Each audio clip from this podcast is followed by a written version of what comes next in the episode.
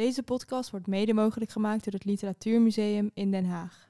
De lotgevallen van Klaasje Zevenster met Marita Matthijssen. Ik zou het waanzinnig leuk vinden als Klaasje Zevenster, als daar een serie van kwam. Ik zou hem geen feminist noemen.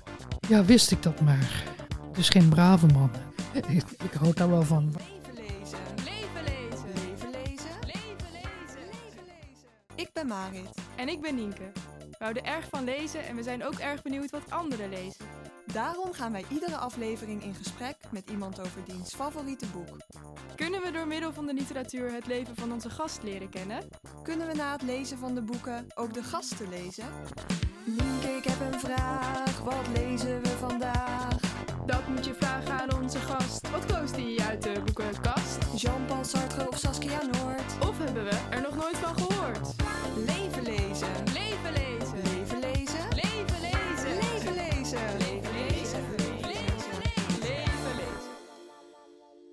Wel waarde Marit, ik zie dat het toch zonder ongeluk is afgelopen en uw vrolijkheid geeft wel aan dat de reis aan uw doel heeft beantwoord.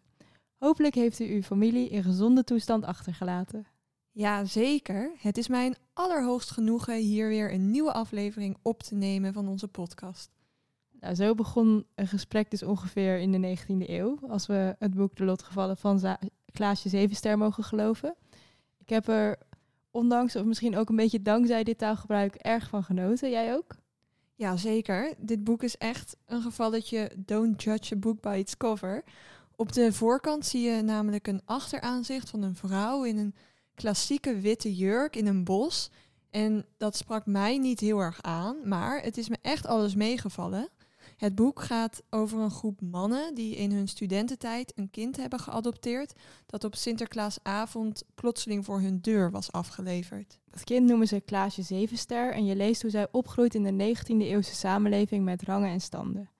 Eh, ze heeft natuurlijk zelf niet echt iets om terug te vallen, maar haar vaders willen allemaal wel dat ze in hogere kringen terechtkomt. En toch belandt ze ook op plekken waar ze eigenlijk niet zou moeten zijn, zoals in een bordeel. En zo valt Klaasje van het ene ongeluk in het andere. En ondertussen zijn er allerlei liefdesintriges en eh, bedriegen de personages elkaar uit eigen belang. En het leest echt als een soap. En jij wil daar ook een televisieserie van maken, toch? Ja, en dat wilde Marita Matthijssen ook, zo bleek in het gesprek. Eh, ja, en Marita Matthijssen is emeritus hoogleraar moderne Nederlandse letterkunde met een specialisatie in de 19e eeuw aan de UvA. Ze is ooit gepromoveerd op de briefwisseling tussen Jacob van Lennep en een andere schrijver, de schoolmeester. En daarna heeft ze van Lennep nooit meer met rust gelaten. Nee, ze schreef ook een biografie over hem. Ja, De bezielde schafuit heet die. En daarin schrijft ze ook over Klaasje Zevenster. Het boek en de auteur liggen Marita Matthijssen dus echt aan het hart. En Klaasje Zevenster en ook het gesprek brachten ons in ieder geval een reis naar de 19e eeuw.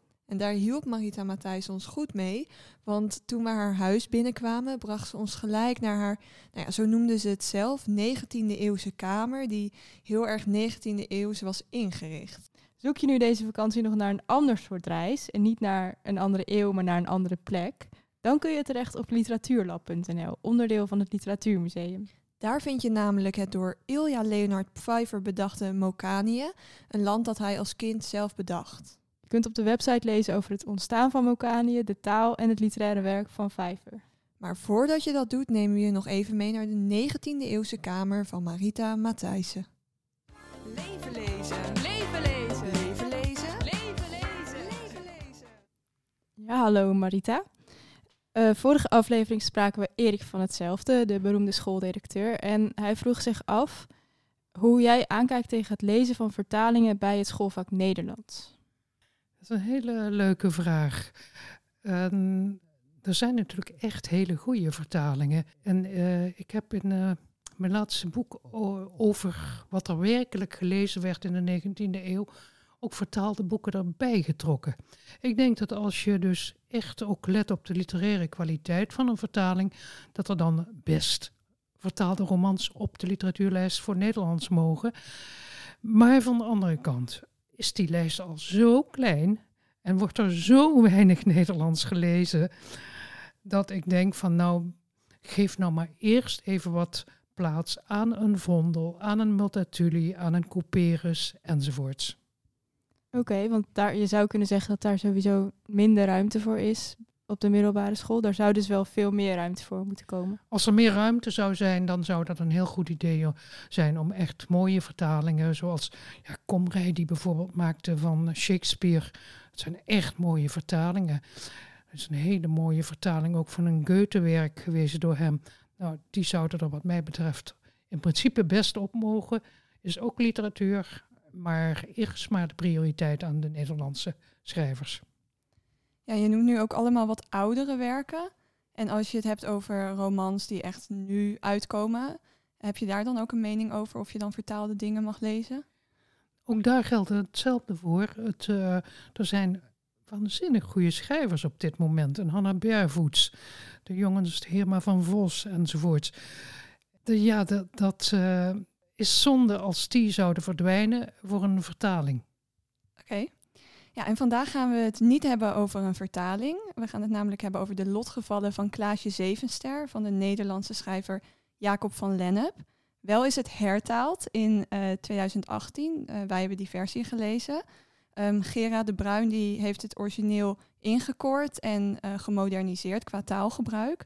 Wat vind jij ervan dat zo'n 19e eeuwse roman wordt hertaald? Ik vind dat een hele goede oplossing, want vaak zijn ze echt niet meer zo toegankelijk. We lezen natuurlijk de buitenlanders ook in vertaling. Hè. Niemand leest de Russen in zijn eigen taal, of vrijwel niemand. Maar ook de Franse, hun Victor Hugo, wordt natuurlijk toch ook veel in vertaling gelezen. Alleen de Engelse, dat hoeft dan niet.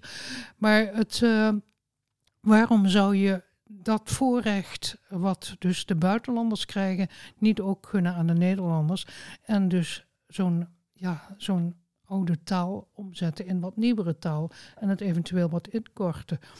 Ze, uh, ze hebben het ook gedaan voor de Max Havelaar. En uh, ja, dat heeft heel veel gescheeld. Daardoor hebben veel meer jongelui daar, uh, sorry, ik moet niet jongelui zeggen, maar leerlingen daar kennis van kunnen nemen, willen nemen. Dus ik, ik ben daar in principe niet op tegen. En ik denk ook dat het ertoe kan leiden dat je meer studenten Nederlands krijgt die vervolgens het origineel kunnen gaan lezen.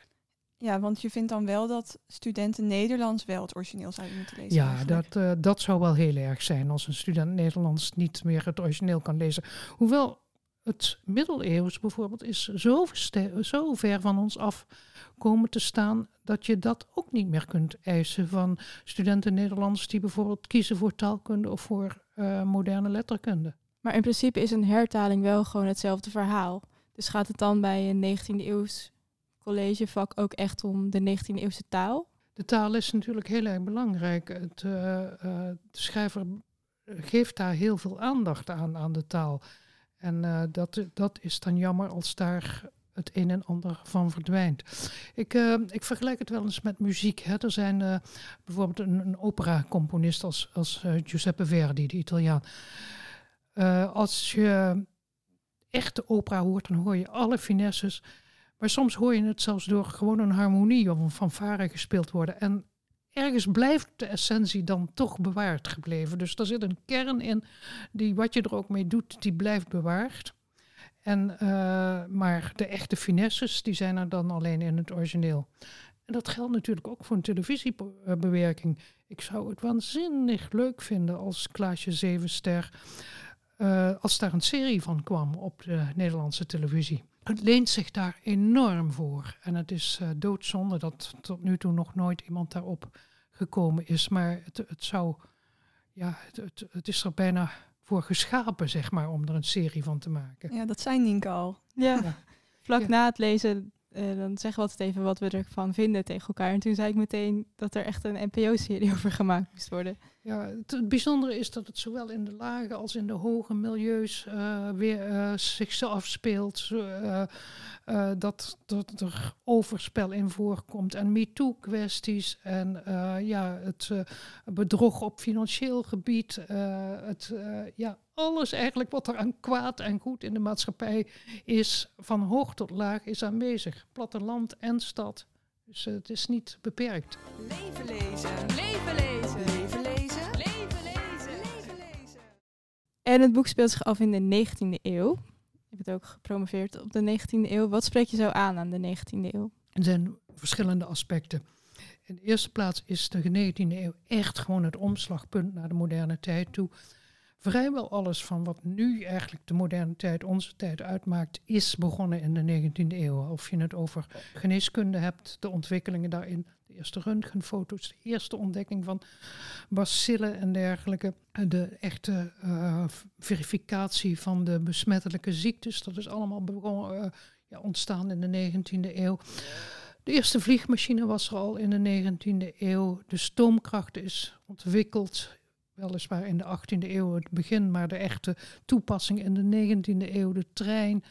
Uh, wat je ook maar opsomt op uh, een uitzondering als de computer, maar zelfs daarvan kun je bepaalde dingen al in de 19e eeuw zien. Die zijn daar uh, te vinden, inclusief ook vooral de veranderingen in de drukpers. Ik, ik heb het er wel eens over dat er eigenlijk in de 19e eeuw opnieuw de uh, drukpers uitgevonden is, namelijk de mechanische, waardoor boeken opeens snel en in grote getalen gedrukt konden worden. Hè. Dus uh, daarvoor was het toch, ja, je kon er een, een, paar per uur maken, maar niet, niet veel meer. En daarna ging dat echt in een razendsnel tempo.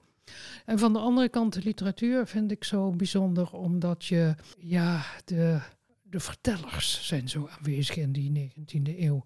Hoe dat komt, weet ik niet. Maar de echte grote vertellers van de, ook van de wereldliteratuur, die zitten in de 19e eeuw. Of je nou naar de Russen kijkt, of naar de Fransen, naar de Victor Hugo's, of naar de Dostojevskis, of naar de Manzoni in Italië, of naar Dickens in, uh, in Engeland. Uh, ja, je, je, je, de grote, echte mensen die een verhaal kunnen opbouwen, dat is in de 19e eeuw. En in Nederland zie je dan mensen als Jacob van Lennep en Multatuli natuurlijk. En iemand als J.J. Kramer, jammer genoeg vergeten. Dat Bosboom Toussaint, dat zijn dan echt de mensen die ook een verhaal weten op te zetten. Een verhaal met diverse lijnen die, op, die allemaal op een gegeven moment bij elkaar komen. En, ja, en dan weten ze heel goed het publiek te bespelen met contrastwerking. Je begint even met een onweer en dan weet je dat er daarna een verschrikkelijk ongeluk gebeurt. En daarna weet je dat de zon weer doorbreekt en dat er dan een kindje geboren wordt. Of een, op, opeens toch een redding is van een ongeluk of wat dan ook. Ja, en er zijn natuurlijk dus heel veel uh, schrijvers uit de 19e eeuw, zoals je net al noemde. Maar jij wilt specifiek hebben over uh, Jacob van Lennep, waarover je ook een biografie hebt geschreven. Wat maakt hem zo bijzonder? Um, als schrijver is hij toch echt de verhaalverteller van de 19e eeuw. Tenzij je naar het einde van de eeuw toe gaat en iemand als Couperus erbij pakt. Hij is echt de grootste verhalenbouwer van de 19e eeuw. Uh, want, iemand als Nicolas Beets vind ik ook een, een de Camera Obscura. Vind ik een hartstikke leuk boek, maar het is maar één boek. Hè? En Van Lennep heeft de een na de andere roman geschreven. En allemaal fantastisch opgebouwd. Uh, verder, die biografie, dat heeft er vooral mee te maken dat hij een... Uh, ja, een, persoonlijkheid heeft die uiterst intrigerend is. Het is geen brave man. Het is niet de, de dominee, zoals de dominee-dichters in die 19e eeuw vaak waren. Maar ja, iemand die overschreven heen gaat. Buitengewoon humoristische man. Uh, en een van die mensen die je ook typisch in die 19e eeuw tegenkomt, die zich inzetten voor verbetering van de maatschappij. En uh, hij is dan wat minder sociaal gericht dan sommige anderen, maar gewoon puur zulke dingen als behoud van het verleden, zich inzetten voor het neerzetten van standbeelden voor mensen die iets betekend hebben.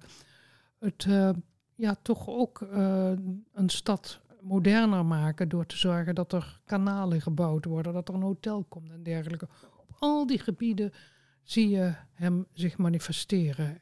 En het, het meest heeft hij misschien wel bereikt in zijn, door zijn inzet voor behoud van het verleden. Dus dat, dat je dus ja, niet zo moet omgaan met het verleden, met slopen, verwaarlozen. Hè. Laat het verleden ook in de maatschappij aanwezig zijn. En, uh, zodat je altijd ja, in verschillende tijden tegelijkertijd eigenlijk verblijft.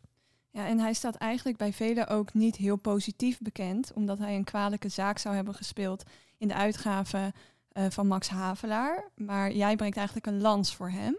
Kun je daar iets meer over vertellen? Ja, um, eh, Max Havelaar, die, eh, ik moet zeggen, Multatuli, die kwam op een gegeven moment uit Nederlands-Indië terug. eh, had daar eh, zichzelf ontslag genomen, omdat hij een conflict daar had met het bestuur. En eh, hij kwam ja, berooid in Nederland terug. En verder kende niemand hem eigenlijk en dergelijke. En hij heeft toen eh, in een paar weken tijd, een paar maanden tijd, eh, de Max Havelaar geschreven. Maar omdat hij onbekend was, had hij geen uitgever. En dat krijg je niet zomaar. Dus hij heeft daar iemand bij gezocht. En via via kwam hij bij Jacob van Lennep eh, terecht. Jacob van Lennep zag meteen dat het een meesterwerk was. Dat heeft hij ook echt meteen geschreven. Verdomme, dat is een meesterwerk. Zo kom je niet, niet elke dag tegen. Moet uitgegeven worden. Maar hij vond het wel, ehm, ja, eh, toch wat tricky. Eh, er stond natuurlijk flink wat aanklacht tegen de Nederlandse regering in. En hij was eh, toch in zekere zin bang voor opstand in de verkeerde milieus. Dus hij wilde eigenlijk dat het in de Tweede Kamer, in het parlement, in de regering besproken zou worden, de Indische kwestie. Maar hij was er tegen dat het, zoals hij zo noemde, het in toko's en koffiehuizen besproken zou gaan worden. Dus eh, wat hij gedaan heeft, is ehm, een uitgever gezocht. Hij heeft het, eh, wat verbeteringen aangebracht, die, van, die Multatuli zelf ook zag als verbeteringen. Dus een hoofdstukindeling, ja, wat, wat stijlverbeteringen. Maar hij heeft daarnaast ook eh, alle plaatsnamen en werkelijke namen van mensen heeft hij vervangen door puntjes. Ja, want sommigen zeggen dat het gecensureerd is daardoor. Ja, je kunt dat niet geen censuur noemen, vind ik zelf. Het, eh, iedereen wist wat er stond eigenlijk. En het was een soort roman. Ja, iets wat in romans normaal was. Wat je eigenlijk ziet is dat, eh, dat Van Lennep een roman in plaats van een documentaire van de Max Havelaar heeft willen maken. Door die puntjes. Door, daardoor leek het meer op een 19e eeuwse roman. Maar iedereen kon het invullen. Dat, wa- dat was Hmm. geen enkele punt. Als, als, eh, ja, de- en dat was ook duidelijk meteen in de recensies dat men wist wat, de, wat die puntjes betekenden. Nee, wat je hem later verweten is, heeft, is dat hij geen volksuitgave daarvan gemaakt heeft. Ja, daarvan kun je zeggen, als je een onbekende schrijver bent, dan kan dat niet. Dat krijg je niet voor elkaar om dan een, een, uitgever risico's te laten nemen. Hij heeft hem verweten dat eh, de uitgever geen exemplaren naar in Nederlands-Indië gestuurd heeft. Ook daarvan moet je zeggen, ja, eh, dan moet een boek eerst geld opgebracht hebben voordat je dat kunt gaan doen, dat op te sturen naar Indië. En eh, verder heeft hij hem verweten dat hij hem het copyright heeft afgenomen. Ja, en dat is in die tijd ook, dat was nodig, omdat eh, hij zat op eh, toen het gedrukt werd, zat hij in Brussel, Multatuli. En Van Lennep moest onderhandelen met de uitgever. Ja, en daarvoor had hij het copyright nodig. Dus het is allemaal buitengewoon goed te verklaren. En als je het echt kijkt naar wat hij gedaan heeft, dan is dat geen censuur, maar eigenlijk verbeteringen. En daardoor is het eigenlijk ook een groter succes dan geworden misschien. Ja, ja, ja, ja. Ja, en je hebt dus een biografie over Jacob van Lennep geschreven, een bezielde schafuit, noem je hem daarin. Wat is het meest fascinerende dat je over hem te weten bent gekomen? Ja, natuurlijk zijn die eh schavuitenstreken van hem ontzettend. eh, ja. ik, ik houd daar wel van, van iemand die niet, aan de, eh, niet de gewone paadjes bewandelt. Dus die op een gegeven moment, voordat hij getrouwd heeft, een relatie heeft met een, iemand uit de hogere kringen die een kindje krijgt. En dat wordt dan weggemoffeld, waarschijnlijk door zijn vader en door, zeker door de ouders van het meisje. Is nooit erachter gekomen wie het precies geweest is. En later is hij bij toeval het kindje dat eruit geboren is tegengekomen. En eh, heeft toen eigenlijk haar eh, erkend als zijn kind. Heeft eigenlijk ook eh, ja, zijn, zijn ontkenning van vroeger heeft hij toen eigenlijk min of meer goed gemaakt. Dat maakt hem een belang, belangrijk. Verder, ja, het, eh, die inzet voor het behoud van, eh, van het verleden vind ik ook echt heel erg. Je zou willen dat eh, er nu ook nog zulke mensen rondliepen. En die zijn er natuurlijk. Iemand als Geert Ma Makke is bijvoorbeeld echt, Nelke Noordervliet en zo. Dat zijn ook mensen die zich daarvoor inzetten. En dat, dat hè, dus dat je echt, echt denkt, niet denkt van, nou, de regering zorgt er wel voor. Nee, zelf dingen naar je toe trekken. En dat zie je dus in, in, in veel opzichten. Hè? Als er, eh, de, de waterleiding bijvoorbeeld. Wij drinken hier nu thee. Nou, Mhm. dit water dat is erdoor van Lennep. Dat wij hier in Amsterdam heel goed leidingwater hebben. Hij heeft ervoor gezorgd dat hier een, eh, eh, de eerste waterleiding van Nederland kwam. Dat zijn zo van die dingen waarvan ik denk van... Ja, waar, was, het, was het nog maar zo dat mensen meer naar zichzelf toetrekken... in die zin van dat ze dus eh, werken aan, aan verbeteringen... en niet alleen maar klagen van dat eh, de maatschappij te weinig doet. Oké, en toen we je vroegen welk boek je vandaag wilde bespreken, kwam je dus met de lotgevallen van Klaasje Zevenster. Dat is niet per se het bekendste boek van Van Lennep, want in de literaire kanon staan bijvoorbeeld twee andere werken van hem, waaronder de lotgevallen van Ferdinand Huik. Ehm, waarom eh, heb je dit boek gekozen? Ja, eigenlijk omdat ik het eh, zo modern vind vanwege dat karakter waar we het al eerder over hadden. de- namelijk dat het zo'n zo'n serie, eh, wat zal ik zeggen, seriebewust, seriewaardig is. Omdat het zo van het een naar het ander gaat. Hè, vanuit eh, dat allerlei milieus erin eh, ter sprake komen. En in het begin is het zo verschrikkelijk geestig op die studentenkamer als ze met, met elkaar in rijm spreken. En eh, dus dat is dan een, soort eh, Dat is dat gen- studentengenootschap. een studentengenootschap, de dorstige Pleiade geheten. Er blijkt later nog een echt eh, gezelschap opgericht te zijn dat ze ook zo heten. Daar heb ik een, een, onlangs een, een, een klein affichetje van gekregen. Zat dat Van Lennep daar zelf ook bij? Nee, eh, nee, ik denk dat, eh, dat dit naar Klaasje, Ze- naar Klaasje Zevenster genoemd is. Dus dat er later een rederijkerskamer geweest is die Ah. zich zo noemde. Maar wel in de 19e eeuw. Ehm, maar het, ehm, kijk, Ferdinand Huik is eh, compacter en ook heel erg interessant. Maar dit, dit gaat op. Dit, dit, hier zit veel meer aandacht in voor vrouwen ook. En voor, ja, voor alles wat met. eh, ook met, met deze tijd te maken heeft. Ja, want het boek komt uit 1866, ongeveer dezelfde tijd van de Bronte Sisters en Jane Austen.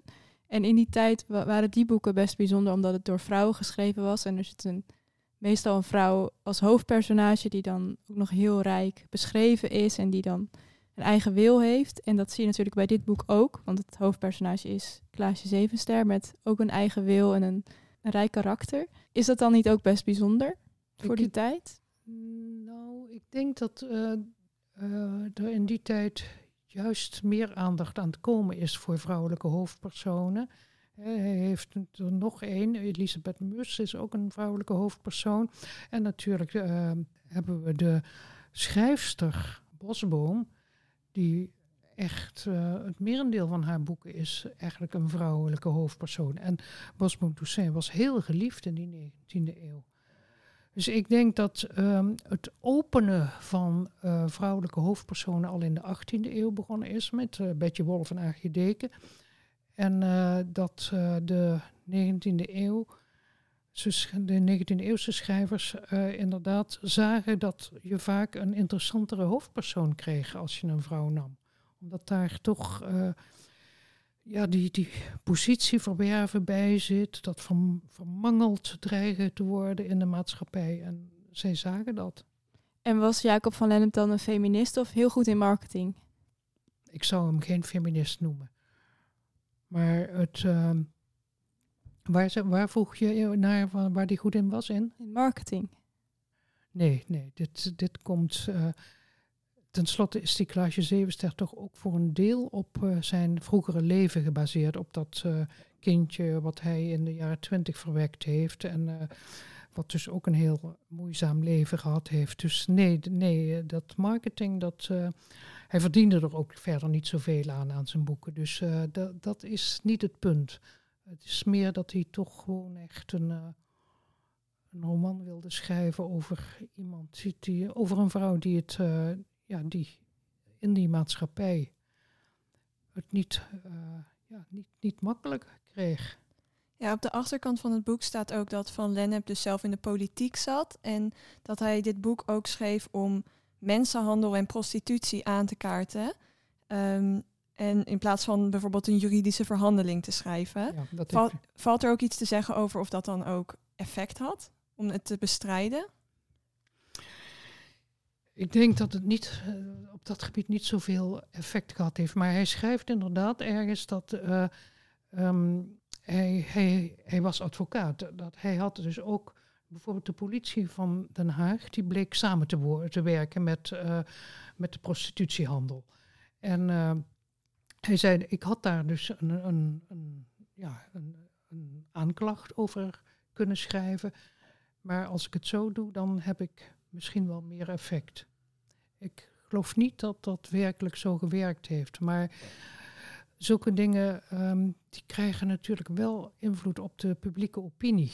En daar vandaan kun je waarschijnlijk toch wel zien dat er een omslag is gekomen in het denken daarover.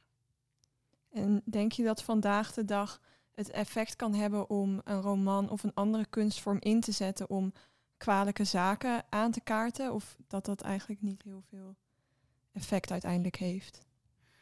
Uiteindelijk zijn er weinig romans die echt een soort omwenteling veroorzaken. Ja, Multatuli is een van de boeken geweest die echt wel iets, iets duidelijk op gang gebracht hebben. Maar dat heeft er ook, eh, kijk, de, de echte slavernij en dergelijke.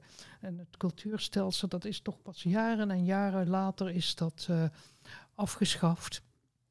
Ehm, en zo zijn er, ja, ehm, er zijn een paar boeken natuurlijk die dingen op gang gebracht hebben. De Hut van Oom Tom, die heeft natuurlijk eh, echt wel dingen veranderd. En, maar ook pas langzaam, hè? Ook, ook dat had zo zijn tijd nodig. En als je naar nu kijkt met alle boeken ook over milieurampen, de boeken over eh, ehm, ja, wat, hoe de toekomst eigenlijk zal zijn, dan denk ik weer aan Hannah Barefoots met dat fantastische boek Alles wat er was. Wat gaat over een, eh, ja, een ramp waarvan de mensen niet eens weten wat het precies is. En Ze is een klein gezelschap, zit opgesloten in een, in een school en moet zien te overleven.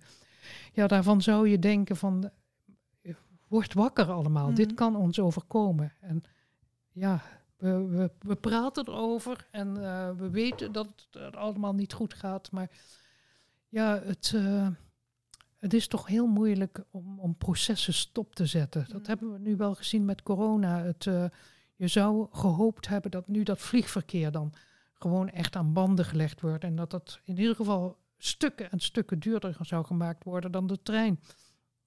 Maar daar is allemaal niets van terechtgekomen. Ja, eh, literatuur is heel goed voor de bewustwording. Maar eh, het daadwerkelijk effect is Nog even een stapje verder. Leven lezen. Leven lezen. Leven lezen. Leven lezen. Leven lezen. En dit jaar won je de Wassenbergpenning, een prijs voor eh Neerlandici met uitzonderlijke prestaties. Onder andere eh, omdat je in je stuk op de bres blijft staan voor eh, de studie van de Nederlandse taal en cultuur. Ehm, hoe denk jij dat we de Neerlandistiek levend kunnen houden in deze tijd? Ja, wist ik dat maar. Wist ik dat maar. Dan, dan, dan, zou, eh, dan, dan zou het weer worden zoals vroeger. Toen ik ging studeren, toen hadden we nota bene 300 eerstejaars In Amsterdam. in Amsterdam dan. Hè. En eh, het, eh, kijk, als ik het geweten had, dan had ik dat al tijdens, de- toen de tijd dat ik nog werkte aan de universiteit, had ik dat zeker ingevoerd. Ehm, ik denk wel dat het heel veel zou kunnen schelen als wij de, de, degenen die aan de universiteit werken voor, en voor bij Nederlands, als die om de twee, drie jaar een paar maanden in het gewone onderwijs zouden werken en anderzijds leraren een paar maanden dan aan de universiteit zouden werken. Ik denk dat dat een heleboel zou schelen, omdat dan de universitaire medewerkers veel meer zouden zien van wat willen, wat willen de jongelui nu eigenlijk met, eh, met hun taal. En de, de leraren ook meer invloed zouden krijgen op de veranderingen in de studie van de Nederlandistiek. En zou dat dan ook eh, als effect hebben dat het schoolvak en de studie iets meer naar elkaar toe groeien, Ja. bijvoorbeeld? Ja, En dat, zou iets goed zijn. Dat, eh, dat jou. zou heel goed zijn als dat veel meer op elkaar afgestemd was. En als dus de, de, de wetenschappelijk medewerkers veel meer schreven, eh, ja, zodat daar een verbeterd eh, curriculum voor het onderwijs uit zou kunnen volgen. Oké. Wordt voor een deel gedaan in Utrecht hè, door eh, de groep onder leiding van Els Stronks.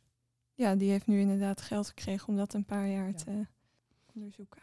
Dan gaan we nog heel even terug naar het verhaal van Klaasje Zevenster. Dat begint namelijk met zeven studenten die zich hebben verenigd in een rederijkskamer. De, donkere de dorstige Pleiade hadden we het net al even over.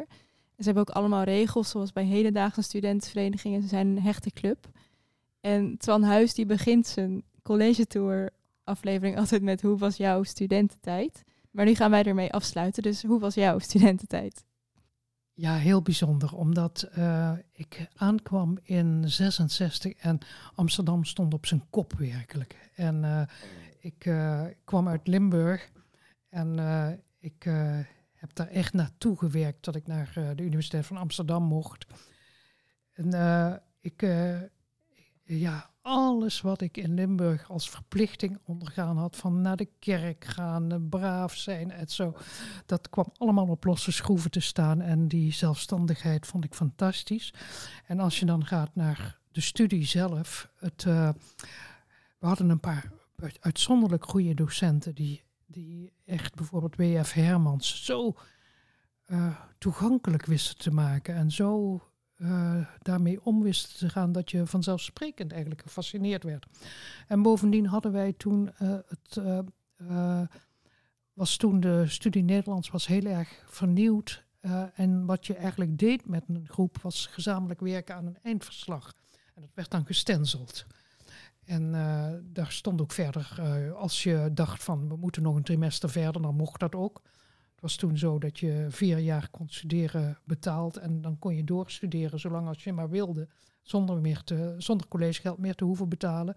Dus wij hadden ook studenten van zeven jaar, die zevendejaars waren of zoiets. Die je vijf uur eh, les daarbij gaven. En eh, dat ging, daar leefden ze dan van, maar dan bleven ze colleges volgen. En wij streefden dus dan gewoon ernaar om een mooi product met z'n allen te maken, inclusief de docent dus. En ja, dat zijn toch eh, onvergetelijke werkgroepen geweest in die tijd. Afgezien van het feit dat het leven in Amsterdam in de jaren 60, in de late jaren 60, echt ook geweldig was. De doorgeefvraag. De doorgeefvraag. In de volgende aflevering spreken we met Francine Omen. Zij schreef de bekende jeugdboekenserie Hoe overleef ik? Waarin het opgroeien van hoofdpersonage Rosa centraal staat. En wat zou jij aan Francine Omen willen vragen? Zou jij ervoor zijn als er op de basisschool een verplichte literatuurlijst van Nederlandse kinderboeken kwam te staan? Een leuke vraag. We gaan het aan haar doorgeven. Eh, wij gaan met eh, Francine Omen in gesprek over Jeroen en de Zilveren Sleutel van Daan Zonderland. Een jeugdroman uit de jaren 40, waarin Jeroen in het bezit komt van een toversleutel waarmee hij alle goede wensen in vervulling kan laten gaan. Bedankt voor het luisteren naar deze aflevering van Leven Lezen. Wil je meer afleveringen beluisteren? Volg ons dan in je favoriete podcast-app. Heb je een vraag? Of wil je ons gewoon iets laten weten? Stuur dan een mail naar levenlezen.gmail.com. Je kunt ons ook volgen op Instagram en Twitter. Tot de volgende keer!